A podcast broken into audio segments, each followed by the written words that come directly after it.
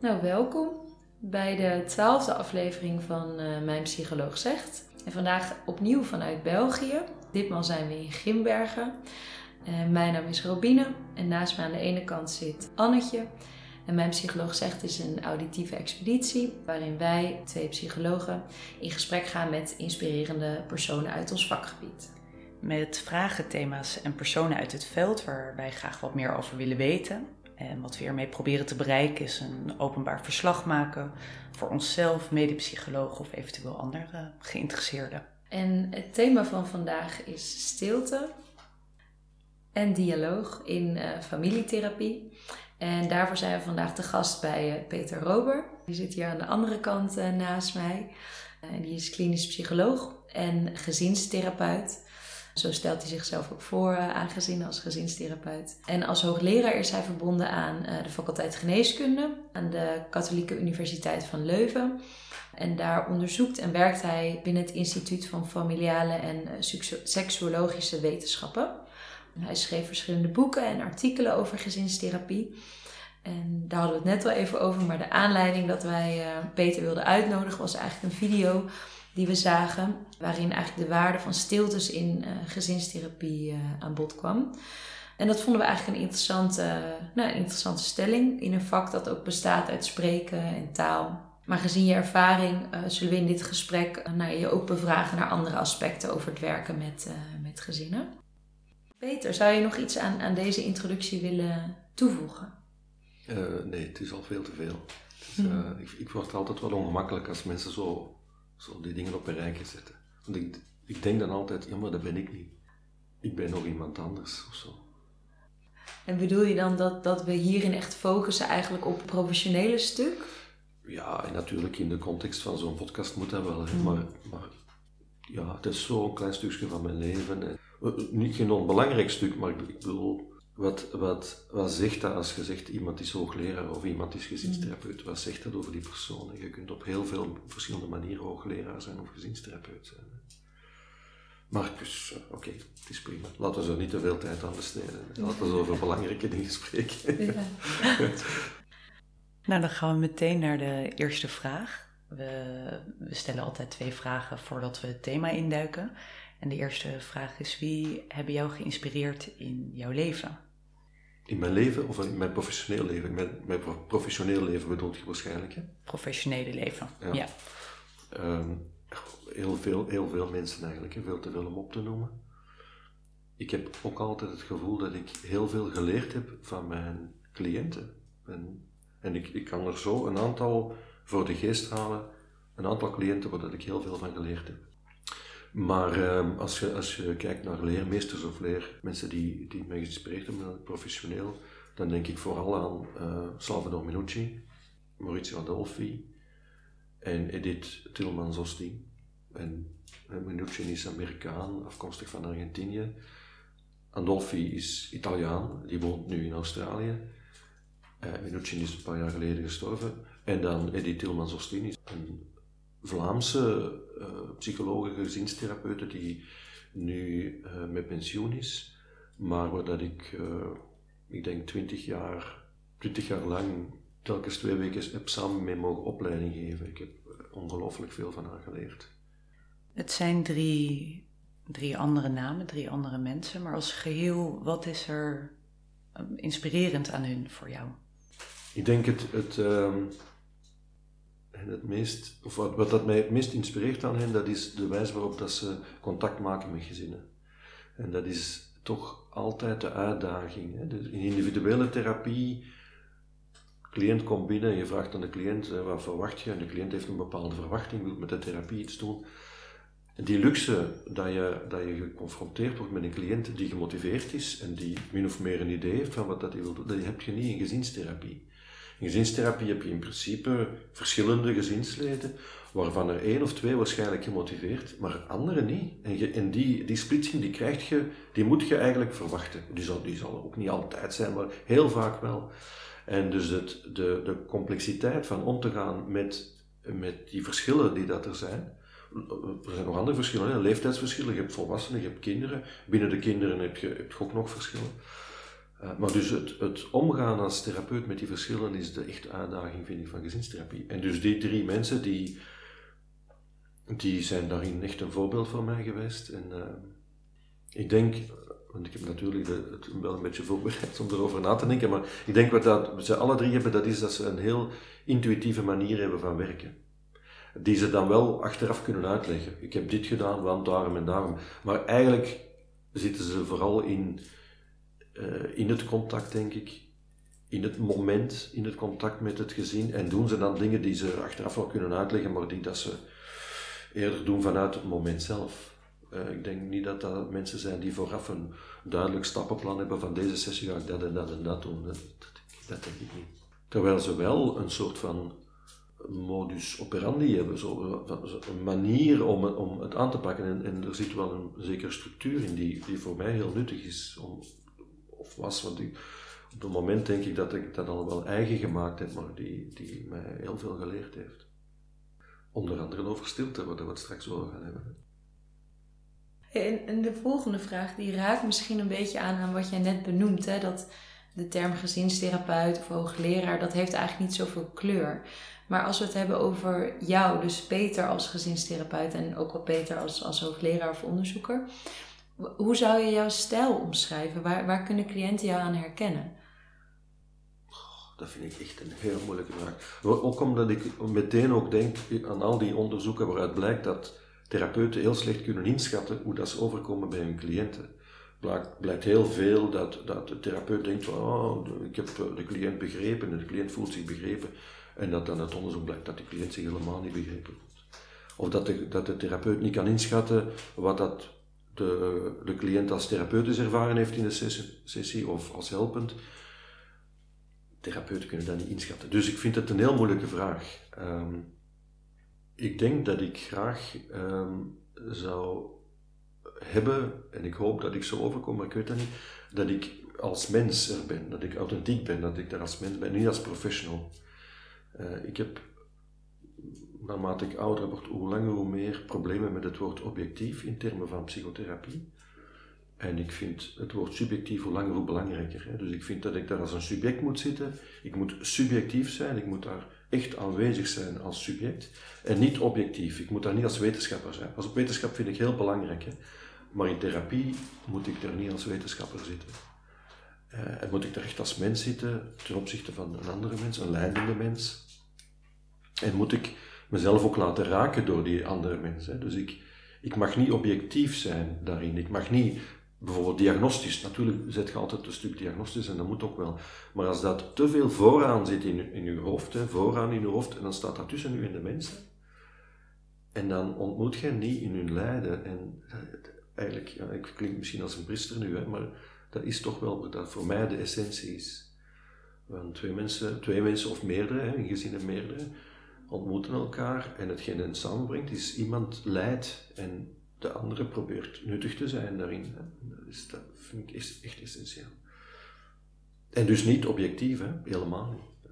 Naar, naar mijn idee klinkt dat ook een beetje aan het intuïtieve wat je eerder beschreef. dat, eh, dan ben je eigenlijk wat meer beschikbaar in het moment in plaats van dat je al een agenda van tevoren hebt. Inderdaad. Dit is hoe het uh, aangepakt moet worden. Ja. En pas op, ik heb meestal een agenda van tevoren, maar ik laat die los. En, eh, want ik vind ook wel, je, je, moet niet... Je moet wel weten waar dat je mee bezig bent. Je moet weten waar dat je staat bent gezien, wat is er vorige keer gezegd, wat zijn de belangrijke punten geweest. Je moet wel een idee hebben, vandaag zou het zinvol zijn als we dit of dat zouden doen. Maar dan moet je ook bereid zijn om gewoon te luisteren en te kijken en te kijken waar, dat, waar dat je samen naartoe gaat. Hè. En, en, vaak word je, hopelijk word je verrast, hè, want dikwijls de verrassende dingen die in de sessie gebeuren, die blijken achteraf de belangrijke dingen te zijn. Peter, hoe is het gekomen dat jij je in relaties en gezinnen bent gaan specialiseren? Ja, dat gelooft je niet, maar dat is toeval geweest eigenlijk. Ik, uh, ik studeerde, uh, ik, ik, was klinisch psycholoog al en ik studeerde dan nog familiale seksologische wetenschappen om seksoloog te worden. En ik moest daar een masterproef nog voor schrijven. En uh, ik was ervan overtuigd, ik wil eigenlijk psychodynamisch therapeut worden. Ik ben kinderpsycholoog. Wilde psychodynamisch kinderpsycholoog worden. En ik had mij ook al kandidaat gesteld voor de opleiding in, in Leuven en ik ben daar geweigerd omdat ze me te jong vonden. Eh, en ze zeiden van doe maar eerst wat ervaring op als, als psycholoog en kom dan eens terug. Maar ik vond dat eigenlijk wel heel teleurstellend. Dus ik had dan al uh, seksuologie gestudeerd. En dan, in die tijd, moesten wij nog naar het leger. En dus ik, ik was afgestudeerd, dus ik moest naar het leger, maar ik wilde niet. Dus ik ging, ik, ik was dienstweigeraar en dus ik ging dan burgerdienst doen. Dan moesten wij, ik weet niet meer precies hoe lang, 18 maanden of 20 maanden of zo, in dienst van de, van de gemeenschap iets doen. En ik ben toen gaan werken in een ziekenhuis in, uh, in Leuven. Een, een ziekenhuis, onderdeel van de universiteit in Leuven. En daar kwam ik in contact met de gezinstherapie. En ik was er eigenlijk ik vond het eigenlijk op zich daarvoor niet zo heel indrukwekkend, maar als ik dat toen zag, dan vond ik dat wel indrukwekkend. En tijdens die 18 maanden. Wat, wat vond je er indrukwekkend aan? Goeie vraag. Wat vond ik er indrukwekkend aan? Ik, ik denk de, het, het leven in de sessie.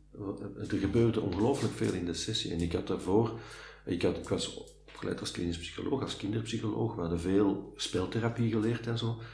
En ik had er ook wel wat op mezelf al wat gedaan, speltherapie, maar er gebeurde niet zo heel veel, want dat kind is aan het spelen en jij zit erbij, je probeert iets nuttig te doen. Maar in zo'n speltherapie-sessie, als er twee of drie goede uitwisselingen zijn, dan heb je het wel gehad. Hè? En in zo'n gezinstherapie-sessie, wat dat daarin gebeurde, was, dat was indrukwekkend. Dat was ook indrukwekkend omdat dat dikwijls met, met toch wel zeer ernstige problematieken was. Dat was een, een, een centrum uh, in, in de context van een, van een psychiatrisch ziekenhuis. Dus daar kwamen veel opgenomen patiënten met hun families. Helemaal niet evident. En toch zag ik dat er zinvol werk mee geleverd werd. Ik was er heel erg van onder de indruk.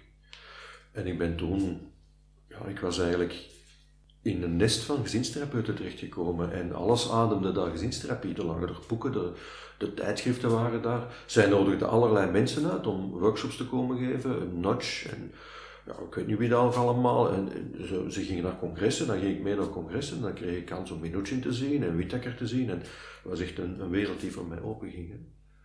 Ja, voilà. Dus in die zin is dat toeval. Hè. Had ik ergens anders um, mijn uh, burgerdienst gedaan, dan had ik waarschijnlijk, uh, had ik waarschijnlijk speltherapeut geworden als ik wat ouder was of zo. Maar het is toeval, maar tegelijkertijd niet, want ik voel wel dat dit mij ligt en dat dit uh, speltherapie ik, geloof er nog altijd heel erg in, hè, maar gezinstherapie ligt me echt wel. Dat is echt wel iets dat ik denk van, gelukkig heb ik dat tegengekomen.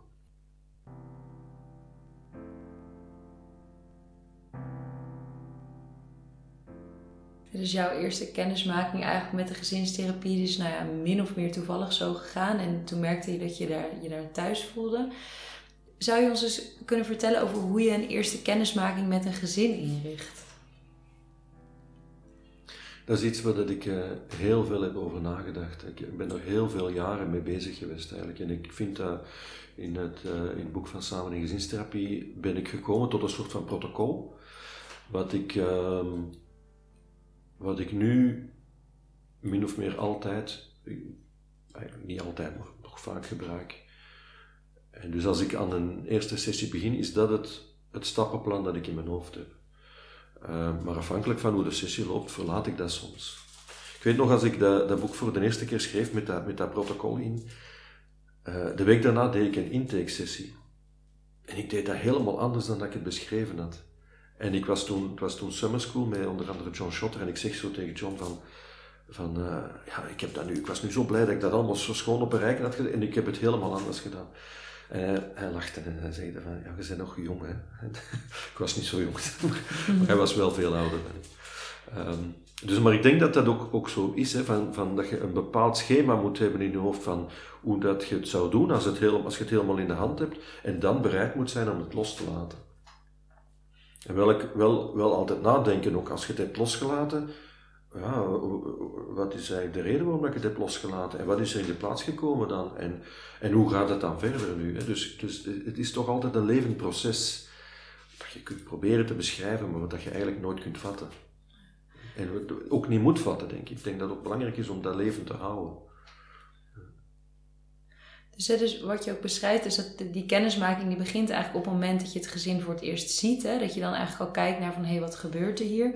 Vervolgens begeleid je ze eigenlijk naar je kamer. Dan zeg je heel kort eigenlijk even iets over jezelf. Hè? Je zegt geloof ik, ik ben Peter en ik ben gezinstherapeut. Dan leg je even uit wat gezinstherapeut is. waarin je bewust. Even. Of ga ik te snel nu? Nee, het is heel goed, maar, maar dus als je, als je echt kijkt, oh, bij dit stukje al, wat dat je, de details zijn ongelooflijk belangrijk. Hè? Als je zegt, ik ben Peter, ik ben gezinstherapeut, wat, wat, wie kijk je aan, wat doe je, op welke manier zeg je dat? En het is dus ongelooflijk belangrijk. En je, als gezinstherapeut eh, ben je onmiddellijk bewust van als je een gezin hebt met twee ouders en twee kinderen, een jongen en een meisje laten zeggen, Ehm, dat het initiatief voor de gezinstherapie is niet genomen door de kinderen. Het is komen van de ouders. En dus de uitdaging voor mij om vertrouwen te winnen zal, bij de kinderen liggen. Hoe kan ik met die kinderen een goede band maken? Met die ouders is relatief gemakkelijk. En dus in het uitleggen wie ben ik, moet ik al onmiddellijk eh, in mijn hoofd hebben van ik moet een contact maken met die kinderen. En die ouders die weten al wel wat een gezinstherapeut is, maar die kinderen die weten dat misschien niet, misschien wel, misschien niet. Maar dus, dus het mij voorstellen en ook zeggen, ja, wat is dat dan? Als ik dat zeg tegen gezins, ik ben gezinstherapeut, weten die wel wat dat, dat is. Hè? Dus ik moet er onmiddellijk rekening mee houden dat die kinderen dat misschien niet weten. En ik moet dan een manier hebben om dat aan hen uit te leggen op een eenvoudige, korte manier, zodat zij toch al een beetje een idee hebben van wat dat zou kunnen zijn. hè. Hoe doe je dat? Een gezinstherapeut is iemand die praat met gezinnen wanneer iemand zich zorgen maakt over iets. Dat heeft mij veel jaren gekost om dat zinnetje te vinden. En ik zeg dat nu al, altijd juist hetzelfde. Maar dat is wel een zinnetje dat ik gevonden heb om te zeggen in therapie. Iedereen begrijpt het, het is kort. En het, het geeft meteen de dynamiek weer. Iemand is bezorgd. En daarom praten we. Een gezinstherapeut is iemand die praat met gezinnen. Het is niet iemand die problemen oplost. Het is niet iemand die, weet ik wat, die zorgt dat jij opgenomen wordt of, of wat dan ook. Je geeft geen medicatie. Een gezinstherapeut is iemand die praat met gezinnen. En dus, dus die, in die twee zinnen zit voor mij echt de kern van de zaak. En denk ik op een manier gezegd als vele kinderen het wel zullen begrijpen. Als je echt met kleinere kinderen, ja, na- natuurlijk niet. En dan vraag ik dikwijls aan de ouders van, ik weet niet of dat, of dat Femke het begrijpt. Kan je eens helpen om mij uit te leggen aan Femke? En dat is ook weer zo'n detail, maar dat is zo belangrijk. Ik vraag aan de mama om mij te helpen. In het begin van de sessie. Ik zeg direct, ik voel dat ik het niet goed doe. Kan jij mij helpen om het duidelijk te maken? En dus ik draai ineens de, de relatie onmiddellijk om. Ik ben er niet om haar te helpen, nee, ik vraag haar eerst om mij te helpen. En dus dat soort van kleine details is ongelooflijk belangrijk in de start met een gezin.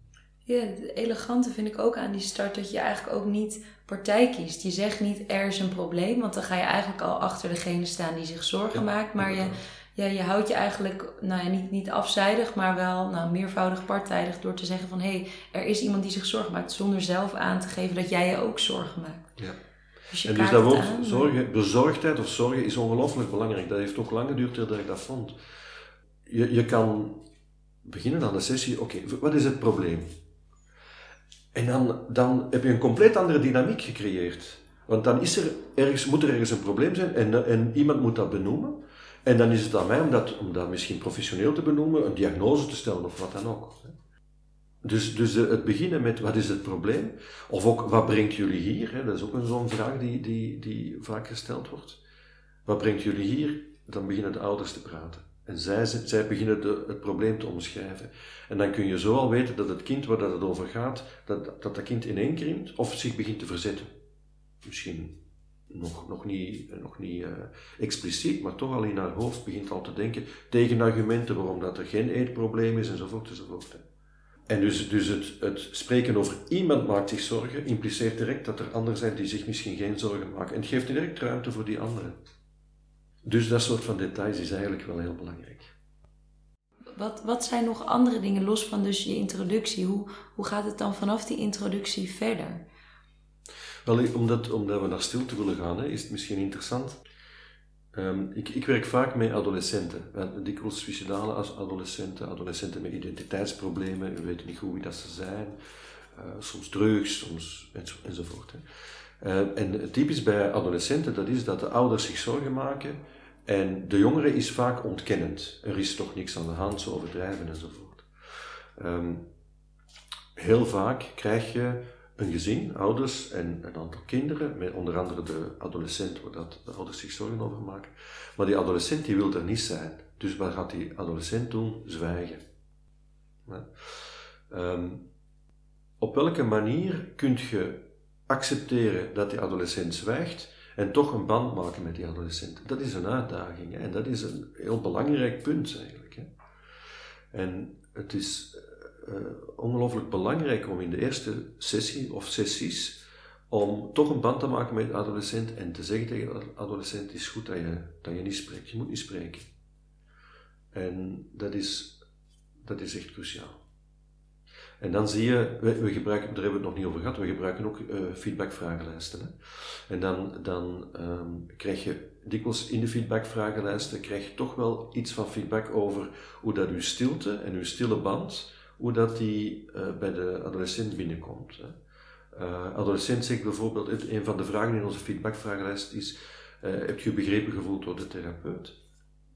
Na een eerste sessie zegt de adolescent, ik heb me niet begrepen gevoeld, maar ik vertrouw hem wel. Dan denk ik, dit is winst. Die adolescent die kan misschien niet na een eerste sessie toegeven van, hij begrijpt mij. Nee, adolescent zegt eigenlijk heel gemakkelijk, ze begrijpen mij niet. Hè. Maar de, ik heb niet gevraagd van, van, vertrouw je mij? Dat heb ik niet gevraagd. Maar zij schrijft dat wel. Hè.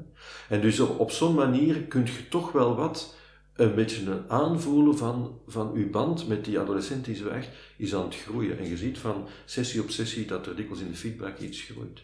En telkens opnieuw in de sessie moet je kijken, hoe kan ik zonder druk te leggen, je moet spreken of je moet iets uitleggen, hoe kan ik contact maken? En is dikwijls door contact te maken met de ouders dat de adolescent mij leert kennen. Dus als, ik, als de, de ouders aan het vertellen zijn hoe ik, ik reageer op de ouders, zal de adolescent uh, iets vertellen over wie ik ben. En dus, dus dat soort van dingen, dat is eigenlijk echt essentieel. Hè. Dat, is, dat is die subjectiviteit ook waar ik het over had. Hè. Ik moet eigenlijk voortdurend, als ik met de ouders aan het praten ben, voortdurend bezig zijn, hoe zou dit overkomen met de adolescent? En ook in mijn antwoord aan de ouders ben ik eigenlijk aan het antwoorden aan de adolescent. Ik weet niet of dat dit... Of dat dit uh... zeker, ja, zeker een antwoord op mijn vraag, ja. En, en, en vraag je, nog, nog één vraag dan over de kennismaking. Vraag jij um, gezinsleden om elkaar voor te stellen of om het gezin voor te stellen? Om zichzelf voor te stellen in hun, los van de problemen, los van de zorgen, los van de reden waarom dat ze komen. Wie ben je? Straks gaan we het hebben over de bezorgdheden, hè, want als jullie hier komen is dat omdat iemand bezorgd is over iets. Maar ik wil nu met u praten over wie dat je bent, los van die, van die zorgen. En dit is iets dat uh, adolescenten of, of uh, dat kinderen erg appreciëren. Hè. Ze waarderen dat, dat je dat doet, omdat, je, omdat ze schrik hebben dat ze hier binnenkomen en dat ze onmiddellijk gebombardeerd worden als iemand met eetstoornis of iemand met depressie of iemand die verslaafd is aan games of wat dan ook. En, uh, en dan, dan probeer ik te kijken welke positieve delen van de, van de identiteit dat er aan, bod komen. En zeker als er iets expressief in zit, iemand is met muziek bezig, iemand heeft een dagboek, iemand danst of wat dan ook. En daar ben ik altijd heel erg in geïnteresseerd. Dat probeer dat is. Soms doe ik uh, therapie samen met een student die dat dan meevolgt. En ik vraag dan aan de, student om notas te maken. Maar ik zeg altijd van, dat moet je zeker opschrijven. Je moet opschrijven, hebben ze een huisdier? Wat is de naam van het huisdier? Wat is er belangrijk aan? Wat zijn de sporten? Wat zijn de hobby's? Superbelangrijk. Omdat dat de, de band is die dat je gaat hebben met die jongeren. Als je volgende keer vraagt aan iemand die vorige keer gezegd heeft van ik speel in een voetbalploeg en ik speel niet voor of zo, moet ik volgende keer vragen hoe was het zondag op de wedstrijd? Heb je gescoord? En niet omdat hij per se moet scoren, maar wel omdat hij dan weet van hé, die heeft dat gehoord. Hè? In mijn positieve identiteit. Niet, niet in mijn identiteit van spijbelaar of zo, maar als voetballer. Dus dat soort dingen. Dus stel jezelf voor, los van de zorgen. Om nog wel ook eventjes terug te komen op iets wat je net zei voor het stuk evalueren. Je vertelde van, nou, we hebben evaluerende vragen. Robin en ik hadden het in de auto, hadden wij het daar ook even over van, nou, hoe kijken we daar zelf naar? Omdat we in onze therapiegesprekken, maar ook wij zitten voor onze opleiding, zitten we ook bijvoorbeeld in supervisie. En daar kunnen wij best wel lastig vinden om dan van iemand waar je ook een afhankelijke rol mee hebt, of die ook iets voor jou moet betekenen, om daar of kritisch op te zijn of negatieve feedback te geven. Ja, zeker. Hoe, um, ja, hoe ervaren jullie dat ook in de feedbackvraag? Hebben jullie daarover nagedacht of hebben jullie een weg daaromheen? Of... En hoe kan je die drempel verlagen eigenlijk hè, voor mensen om feedback te geven? Dat is, dat is een heel belangrijke vraag, hè, want eh, er is onderzoek genoeg dat toont dat cliënten willen niet graag kritiek geven. Zelfs al zijn, al zijn ze niet tevreden, dan gaan ze dan nog, nog eerder stilhouden en proberen er het beste van te maken en geen kritiek geven. En wij vragen feedback en we weten dat feedback zinvol is als het kritisch is of als het gedetailleerd is. Als, ze, als ik vraag hoe was het vandaag en ze zeggen het was een goede sessie, dan weet ik niks.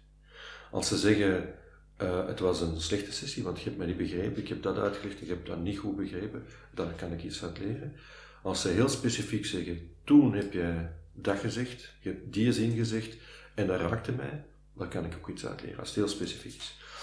Maar wat je vaak krijgt als je feedbackvragenlijst hebt, dat is algemene positieve feedback. Daar kun je eigenlijk niet veel mee doen. En dus het is eigenlijk inderdaad een heel kunst om, om de sessie zo aan te pakken en om zo met de, met feedback om te gaan, dat je de kans vergroot dat je specifieke of kritische feedback krijgt. Een van de dingen, om maar één voorbeeld te geven, als je met kinderen of met adolescenten werkt, dan ga je vaak zien dat de eerste kritische feedback van een kind komt. En dat de ouders zeggen, je moet beleefd zijn, of dat mag je niet zeggen, of je therapeut is om jou te helpen, of wat dan ook. Vanaf dat je ook maar enige kritische feedback krijgt, dan moet je daar heel dankbaar voor zijn en heel expliciet op ingaan. En ik ga daarmee rekening houden, en is het goed als we het zo aanpakken, enzovoort, enzovoort. Op het einde van de sessie aan die persoon vragen, was het deze keer beter, enzovoort. Dus eh, negatieve feedback, die moet beloond worden uitgebreid beloond. Daar moet, je moet je rekening mee houden en moet je ook laten zien van ik heb er naar geluisterd. Dat is maar één van die dingen. Er zijn heel veel dingen. Eigenlijk, noemen we dat het werken aan een feedbackcultuur. Dus je moet een feedbackvragenlijst kiezen.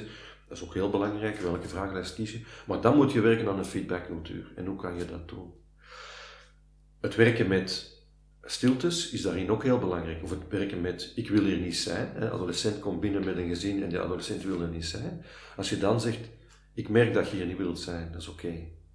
Dan zeg je eigenlijk al, het is oké dat je, bij, dat je niet onmiddellijk vertrouwen hebt in mij. Eigenlijk opent je al een beetje de deur voor kritiek. Dus zo zijn er een, een hele hoop dingen die je, die je moet doen, anders dan krijg je altijd positieve algemene feedback en daar kun je niks mee doen. Maar dus dat voorbeeldje dat ik daar juist gaf, van die adolescent die zegt van, eh, ik voel me niet, niet be- begrepen, maar ik vertrouw hem wel. Dat zinnetje van ik vertrouw hem wel, is voor mij heel betrouwbaar. Dat is, zij, zij moet, dat, is geen zinnetje dat ze zegt uit sociale wenselijkheid. Want ze heeft al getoond dat ze durft kritiek geven. Hè, van, ik voel me niet begrepen. Maar ze zegt dat er wel bij. Maar dat is ongelooflijk belangrijk. Vertrouwen is voor haar dus duidelijk belangrijk. En ik heb wel iets gedaan waardoor dat ze mij wel vertrouwt. En ik, ik vermoed dat ik ook wel weet wat ik gedaan heb. Ik ben nogal kritisch geweest naar haar vader toe. En dat weet ik, als ik niet te braaf de ouders volg, die adolescent die niet wil meekomen, die supportert voor mij. Die is tevreden daarmee. Hè? Dus ik, ik moet ook durven kritische of moeilijke vragen stellen aan, aan vaders of moeders. Heb je dat ook bij haar gecheckt? Of dat het stuk was wat dat vertrouwen heeft opgewekt? Nee. Nee, want, nee. nee, want dan ga ik uit het proces. Ja. Ik blijf in het proces. Ik heb, ik heb in, het, in, in het proces is het wel heel duidelijk geworden dat ik op goede weg zat. Niet bij alles wat ik deed wellicht, maar ze heeft wel op een bepaald moment... is heel, dus tot dan toe had ze eigenlijk nauwelijks iets gezegd. En op een bepaald moment, de derde sessie denk ik, komen ze binnen. En ze, het was de vierde sessie. Komt ze, eh, komen ze binnen en ze gaat zitten en ze zegt... Nu wil ik spreken. Of, en, en ze zei dat, nu gaan we het eens hebben over waar dat echt over gaat. En dan is ze beginnen spreken over haar vader en over hoe haar vader, in haar woorden, haar broertje mishandelt. Nu hebben we daarover gesproken. Ik heb dat broertje dan ook samen met haar gezien en zo. Eh, maar nu later heeft ze nog verteld dat, eh, dat ze verkracht is geweest. En dus, dus wat dat je heel dikwijls ziet rond stilte, dat is dat hetgeen waar dat echt over gaat, wat dat echt heel moeilijk is, dat is, dat is het laatste stationnetje. En er zijn allerlei stationnetjes waar dat je door moet. En telkens wanneer dat je er komt, moet je bewijzen dat je bet- betrouwbaar bent, hè, dat, je, dat, je, dat ze jou kunnen vertrouwen en dat je, dat je goed luistert enzovoort. En dan gaan ze naar het volgende stationnetje en dan naar het volgende. En dan op het komt dat stationnetje waar dat echt over gaat. En dat, die verkrachting had ze zelfs tegen haar ouders nog niet verteld. Om daarbij aan te sluiten, Er, er, wordt veel geschreven over giftige geheimen en dingen doodzwijgen. En nu, nu praat jij ook over en schrijf je ook over de stille kracht van familiegeheimen. Nou, bijvoorbeeld zo'n verkrachting waar het echt over moet gaan. Dat hè, kan een voorbeeld zijn van een, van een familiegeheim of in ieder geval een geheim van iemand in de familie. Wat zijn volgens jou de positieve effecten of gevolgen van geheimen binnen een gezin? Als je het zo zegt positief, dat, is, dat klinkt misschien te positief. Ehm, vaak zijn geheimen een manier om het leefbaar te maken. En niet, niet positief, hè? je wordt niet gelukkig van een geheim. Maar iets dat heel zwaar is, wordt misschien wat draaglijker als het geheim blijft. Ehm, ik heb ooit van een, van een jongen die in een echtscheiding zat gehoord dat hij dat aan mij zegt: Ik praat er niet graag over, want als ik erover praat, wordt het echter en wordt het moeilijker. En uh, ik heb er later een filmpje van gemaakt en, en dat staat op mijn YouTube-kanaal, doet er niet toe. Maar, maar, maar ik vind dat een heel, heel wijze, wijze opmerking. Die jongen die was, uh, hoe oud was die? 9 jaar, 10 jaar, ik weet het niet. Ik vond dat zo'n wijsheid. Hè? Inderdaad, als je iets benoemt, wordt het echter. En als je het, zolang het niet, dat je het niet benoemd hebt, kun je het soms makkelijker wat opzij zetten. Weg is het niet. Hè? Het, is, het is wat opzij gezet en het komt soms in de weg en het wordt soms getriggerd. Hè? Dat kennen we van de trauma's en zo. Dat zijn dingen die getriggerd worden en, en die komen dan onverwacht en die kunnen overspoelen en al die dingen. Maar misschien kan ik mijn leven wel leiden zonder dat dat voortdurend in de weg loopt. Dat is eigenlijk de basisidee uh, van, dat we weten vanuit uit traumapatiënten, uh, maar wat dat ook bij gezinsgeheimen gelden. Er is iets gebeurd in het gezin, het is verschrikkelijk wat dat gebeurt, hoe kunnen wij nu verder leven? Als ik dit vertel, wordt dit misschien heel belastend voor de kinderen, of wordt het misschien, gaan we misschien ons in de buurt schamen of zo. Misschien is het makkelijker als we het gewoon ergens parkeren. We zetten het in de hoek van de kamer en we hopen dat het niet in de weg loopt. En soms werkt dat voor een stuk. Wel, soms, ik denk dat het vaak wel een stuk werkt. Ik heb, ik heb zelf um, een gezinsgeheim in, in mijn familie uh, geëxploreerd, omdat ik was met gezinsgeheimen bezig en ik deed er onderzoek over. Maar ik, er was ook wel een gezins geheim in mijn eigen familie. En dus ik vond het dan ook wel belangrijk om, om daar eens naar te gaan kijken. En dat had te maken met, met de Tweede Wereldoorlog. Mijn grootvader was in een, in een concentratiekamp als krijgsgevangene opgenomen in een concentratiekamp in Duitsland. En wij wisten dat, maar wij mochten daar niet over spreken. En ik vond dat nogthans, ik, ik, ik, had ook een heel goede band met mijn grootvader. We gingen samen vissen en ik was veel samen bij, bij hem.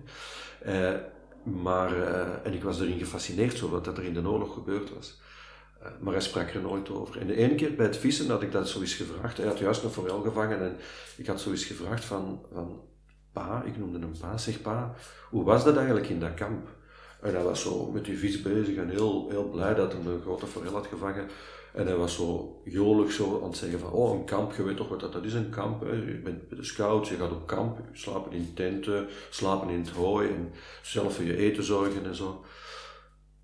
En ik, ik hoorde vooral dat ik niks meer moest vragen daarover. Dat, dat, dat was hetgeen wat dat hij erover wou zeggen en meer niet. Vele jaren later is hij dement geworden en is hij in, in Leuven in een uh, ouderlingentehuis terechtgekomen. En op een bepaald moment, ik studeerde psychologie in Leuven, was ik hem gaan bezoeken. En ik kwam binnen en hij werd heel angstig. Hij zag mij en hij werd heel angstig en hij verstopte zich achter een sofa die daar stond.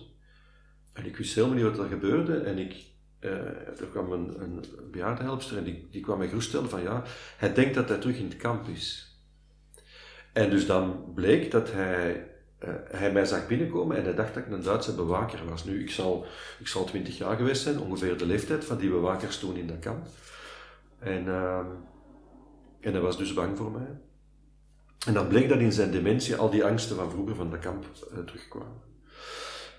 En dus later, als hij, uh, als hij gestorven is, dan hoorde ik dat hij vanuit dat kamp brieven geschreven had aan, aan zijn familie, aan zijn, zijn vrouw en aan mijn moeder en haar zus vanuit het kamp. En ik wou die brieven lezen, maar niemand wist wat dat die brieven waren. En die waren verdwenen en niemand had die. Tot op een bepaald moment, een tiental jaar later, ondertussen was mijn grootmoeder ook gestorven. Mijn moeder en mijn vader kwamen eens eten bij ons thuis en die brachten die brieven mee. All of a sudden Ik weet niet waarom dat ze die plots bij. Dan kon ik die brieven lezen. En toen heb ik gedacht, ik moet hier iets mee doen. En toen heb ik er een onderzoek over begonnen. Met de hulp van een Amerikaanse professor. Ehm, die, om, om mij wat te helpen om afstand te hebben, want dat was wel heel dicht. En wat ik, daar, ik kan er veel over vertellen. Wat ik er vooral uit geleerd heb, dat is dat ik ben kunnen opgroeien onbelast door zijn ervaring in het kamp. En ik ben kunnen opgroeien zonder geconfronteerd te worden met zijn angsten of met zijn onzekerheden of met zijn. Mijn moeder trouwens ook en mijn, mijn tantes ook. Eh, Eigenlijk, wat dat hij gedaan heeft door dat niet te vertellen en door te zeggen, daar wordt niet over gesproken, het is een kamp zoals een scoutskamp, heeft hij eigenlijk een ruimte gecreëerd voor de anderen om op te groeien zonder die belasting. Ja, en dat is wel iets waar ik hem dankbaar voor ben.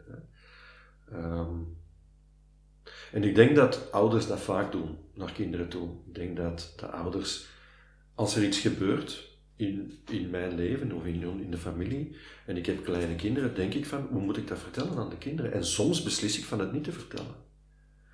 Iemand heeft zelfmoord gepleegd, een oom of een, of een grootvader of wat dan ook heeft zelfmoord gepleegd en ik heb kinderen van 6 en 7 jaar, ga ik dat vertellen? En, en wat ga ik vertellen? Want ik kan misschien wel zeggen, ik zal wel zeggen, hij is gestorven. Ga ik zeggen dat hij zelfmoord gepleegd heeft? Ga ik zeggen dat hij zich opgehangen heeft? Ga ik zeggen dat hij eigenlijk, eh, weet ik wat, eh, wat dat de reden is voor, voor zijn, eh, Wat ga ik zeggen aan kinderen van 6 à 7 jaar? En dus als ouders ga je een zekere selectie maken. En heel vaak het ding dat je niet zegt, wat dat je zegt, ik ga dat later zeggen als die wat groter is en als die dat kan begrijpen, uiteindelijk ga je dat niet meer zeggen. Uiteindelijk vergeet je dat of vind je dat niet meer belangrijk en wordt dat een geheim.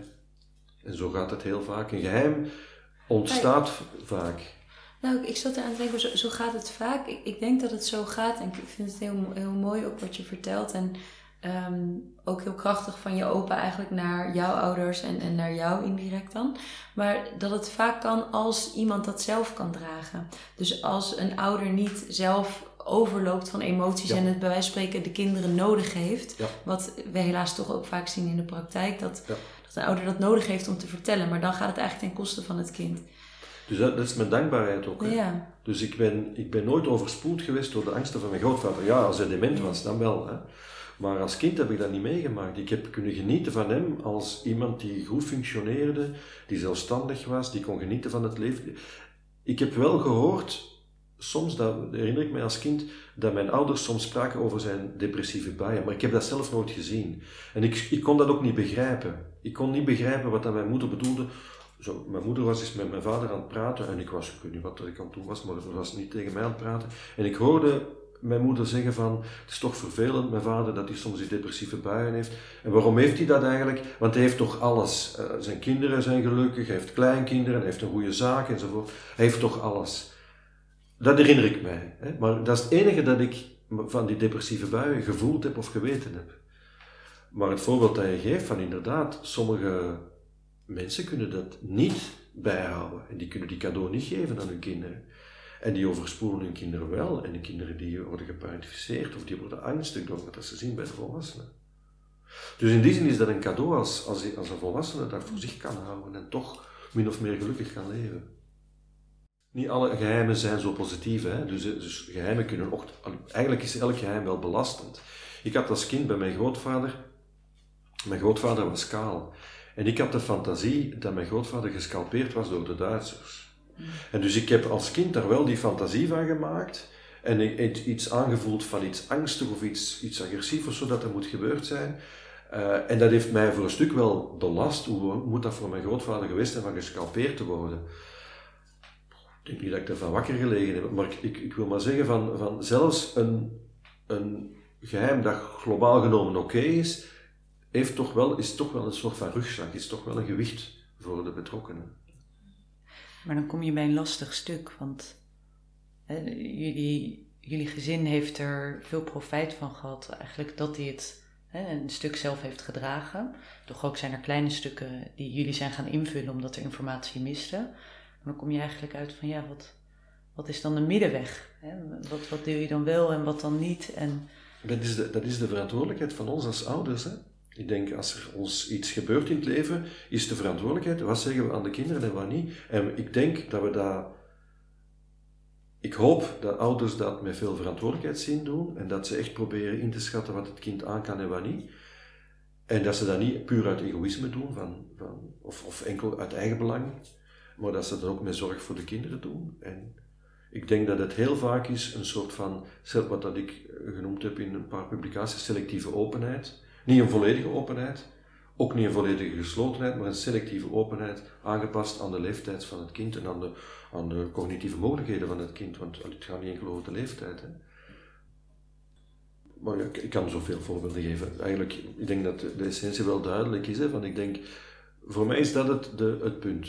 Uh, hoe schatten de ouders in dat de kinderen het beste ermee kunnen leven? En uh, ja, dat is meestal niet met een volledige openheid. En nu, hè, nu hebben we het vooral over, over stilte in de vorm van geheim. Dus ook, en, en stilte is eigenlijk in die zin binnen familie. Uh, een ander thema waar je ook veel over geschreven hebt is, is stiltes in de, in de therapiekamer. Uh, en ik vond het heel mooi dat je ergens schreef ook van hè, dat je op een gegeven moment geleerd hebt dat ook een stilte niet een stilte is, maar dat er in een stilte ook een innerlijke dialoog gaande is bij een therapeut of bij een cliënt of, of bij allebei. En, en dat dat dus eigenlijk ook heel, heel rijk is, zo'n stilte. Ik was heel benieuwd van hoe, ja, hoe je daarachter kwam en, en hoe je daarmee werkt nu. Ik weet niet hoe dat ik erachter gekomen ben, maar dus waarschijnlijk door heel veel jaren therapie te doen is dat opgebouwd. Maar ik probeer wel zorgvuldig met stiltes om te gaan. Dus en, uh, ik, heb, ik heb vaak het gevoel dat als je, als je in, in een sessie zit, dat er ontstaat een stilte, dat die stilte in het begin productief is. En aan een tijd wordt dat een gewicht en begint het te wegen en is het niet meer productief. Uh, maar dan is het dan is het ook nog altijd interessant om te kijken als er zo'n stilte is, wie vult de stilte? Ik kan ze vullen. Ik kan er een volgende vraag stellen of ik kan ze vullen, dat is geen enkel probleem. Maar als ik het niet doe, wie doet het dan? Hè? En dat, dat zegt ook iets over de dynamiek in het gezin. En dan ben ik ook benieuwd, hoe wordt ze gevuld? Wordt ze gevuld doordat iemand zegt, maar die stilte die duurt nu al wel heel lang? Of wordt die gevuld uh, negerend dat er een stilte is? Hè? Dus door onmiddellijk terug op de inhoud in te gaan. En ik vind, ik vind dat een verschil, omdat dat dikwijls iets zegt over de mentaliseringsmogelijkheden van mensen. Iemand die zegt van, ja, maar die stilte duurt toch wel lang, ik word er uh, ongemakkelijk van. Ja, dan, dan denk ik dat je veel meer mogelijkheden hebt dan dat, we, dat wanneer, wanneer je onmiddellijk terug op de inhoud ingaat. Hè. Als iemand zegt, ik word er ongemakkelijk van, dat is een uitnodiging voor mij om te vragen van, ja, vertel eens. Wat, wat wordt er ongemakkelijk of, of hoe is het dan voor u? Hè? Dus eigenlijk word je uitgenodigd om wat meer te verdiepen. Dus er valt eigenlijk wel heel veel te zeggen over stiltes. Ja, want ik denk ook als je dat zegt, ik denk dat als iemand direct een vraag stelt en weer terug gaat over de inhoud, ik denk dat dat ook vanuit ongemak is. Ja, ja, ja zeker.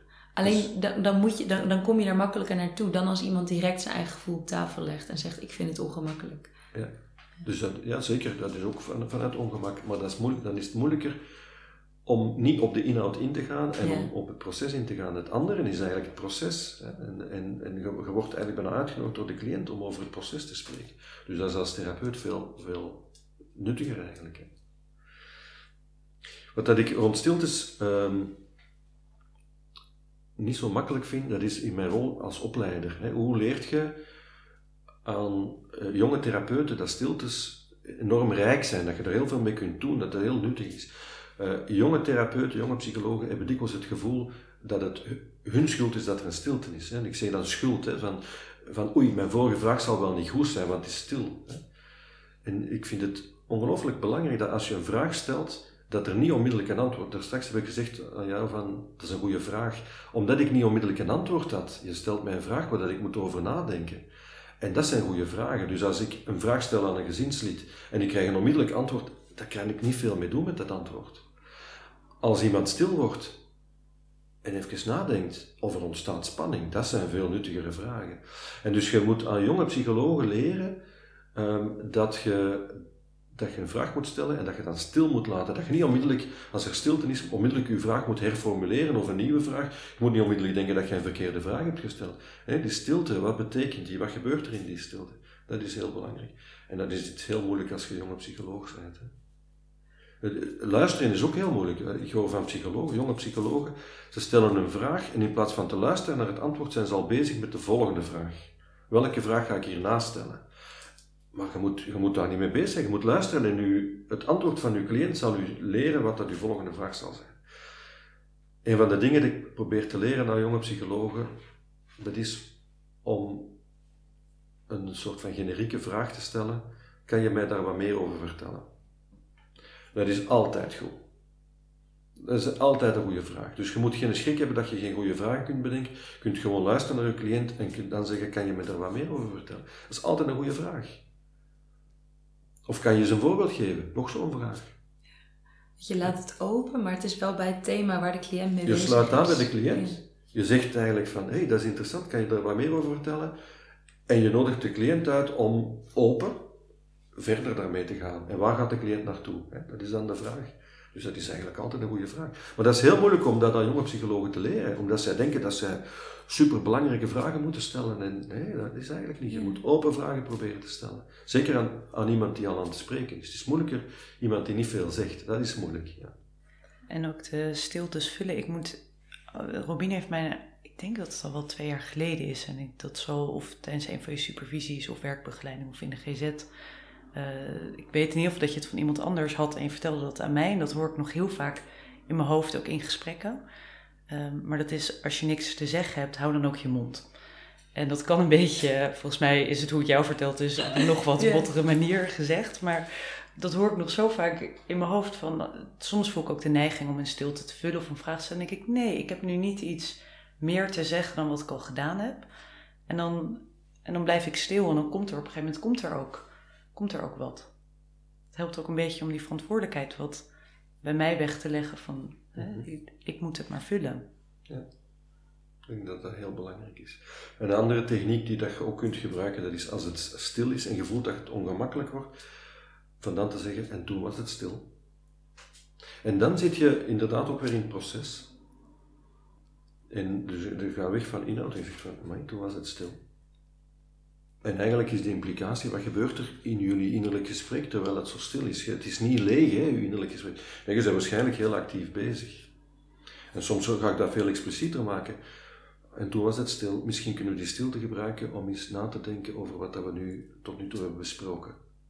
Denk er eens over na. Wat is er voor jou belangrijk geweest, wat is er niet zo belangrijk geweest? En wat ligt er nog? En dus het is stil en ik accepteer de stilte en ik, ik gebruik de stilte om hen te doen nadenken over het proces van, de, van die sessie. En mensen kunnen dat, kunnen erover nadenken. En dan kunnen ze zeggen van ja, het gaat al de hele tijd over mij, we hebben nog altijd niet over onze papa gehad. Oké dan. Ik vind het wel mooi dat je net ook noemde van het is moeilijk voor jonge psychologen. Want, en dat je dat zo expliciet noemt. Want ik denk ook hoe, hoe jonger of hoe startender je bent, of dat, heb ik, dat ervaar ik ook, dat je ook onzekerder bent. En je bent nog niet zo zeker over wat je. Je hebt nog niet zoveel vertrouwen. En ik denk dat het ook een zeker vertrouwen vraagt. Uh, in de cliënt en in de therapie, maar ook daarmee in jezelf, in het begeleiden van zo'n gesprek, uh, om, om zo'n stilte te laten vallen.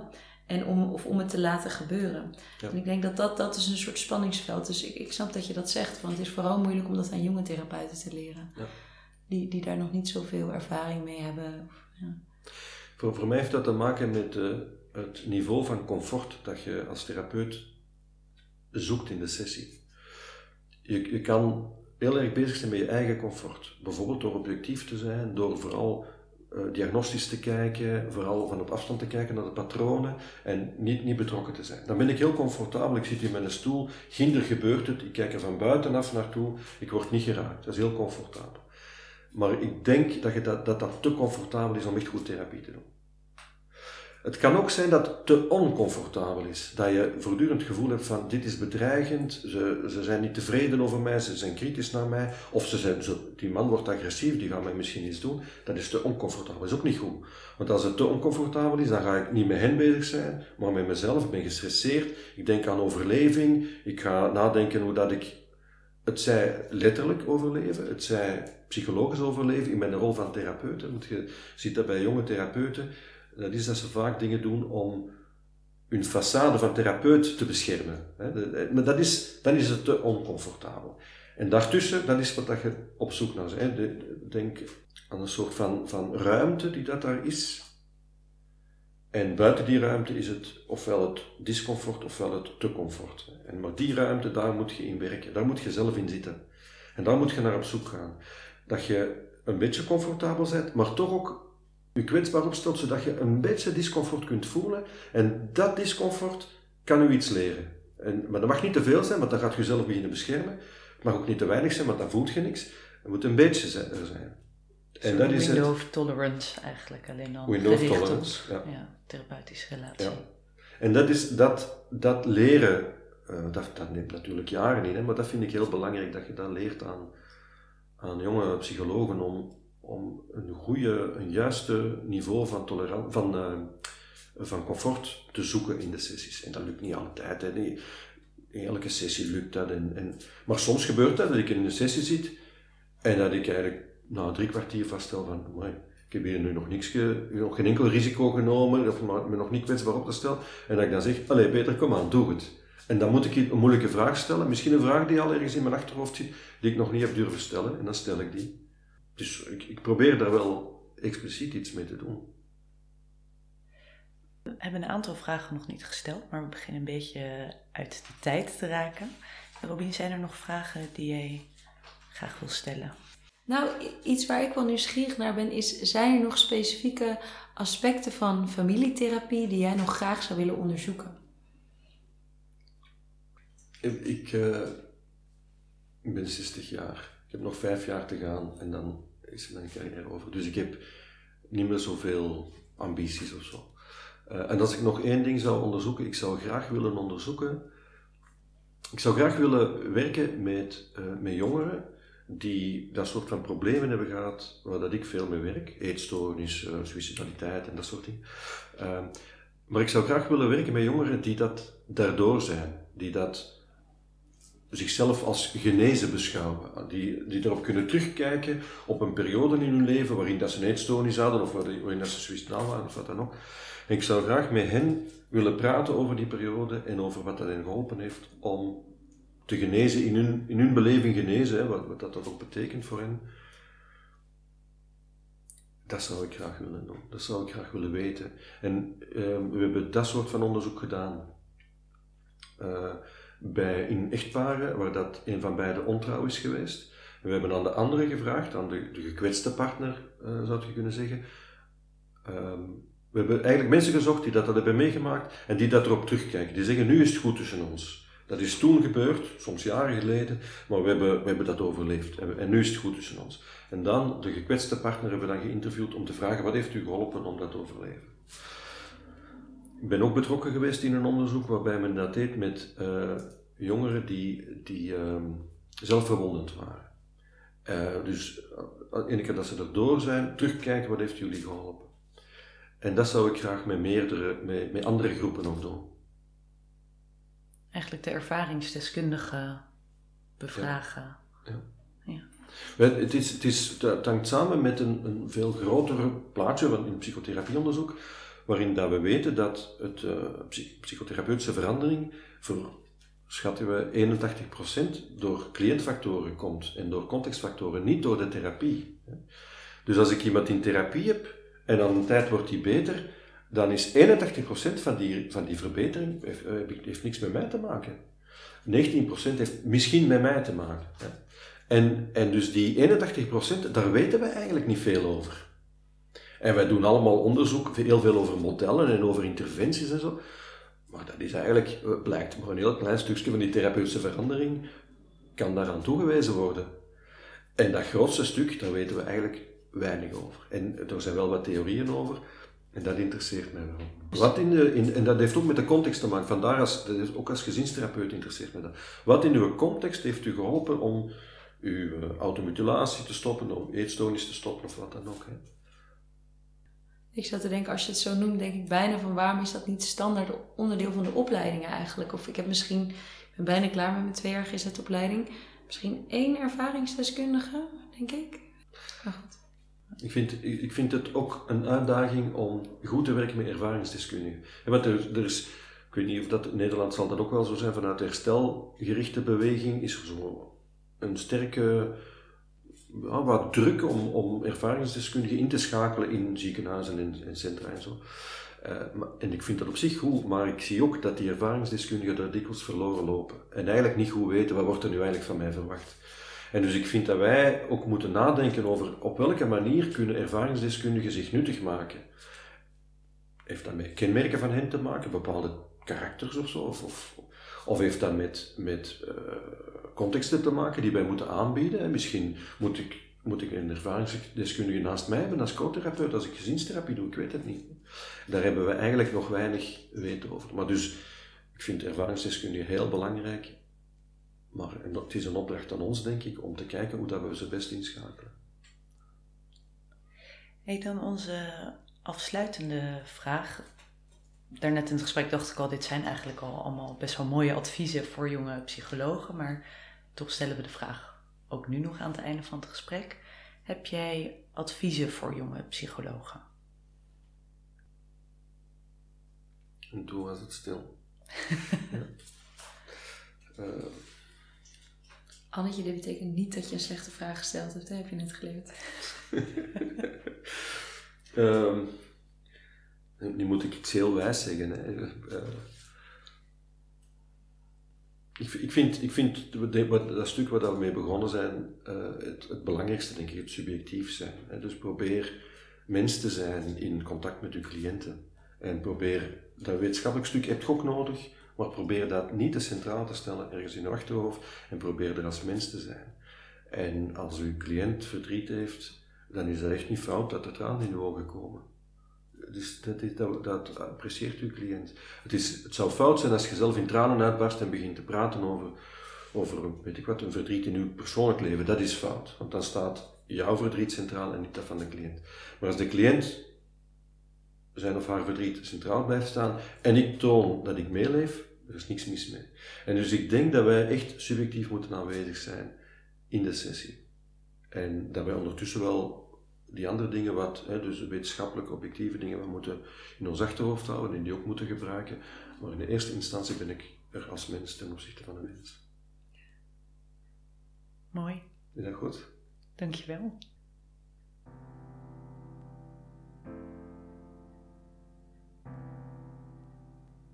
Dankjewel. Graag gedaan. dank voor het gesprek, Peter. Dit was onze twaalfde aflevering, vanuit België dus ook weer. En uh, ja, we gaan hem afronden. En we zijn in het begin van de herfst gaan we waarschijnlijk een nieuwe aflevering opnemen. Maar de gast, wie dat wordt, is nog een verrassing. Maar dank. Tijd is weer eens voorbij gevlogen, moet ik zeggen. Ja. ja. We zitten denk ik aan een uur of zoiets, zal ik te kijken. Uh, ongeveer 50 minuten.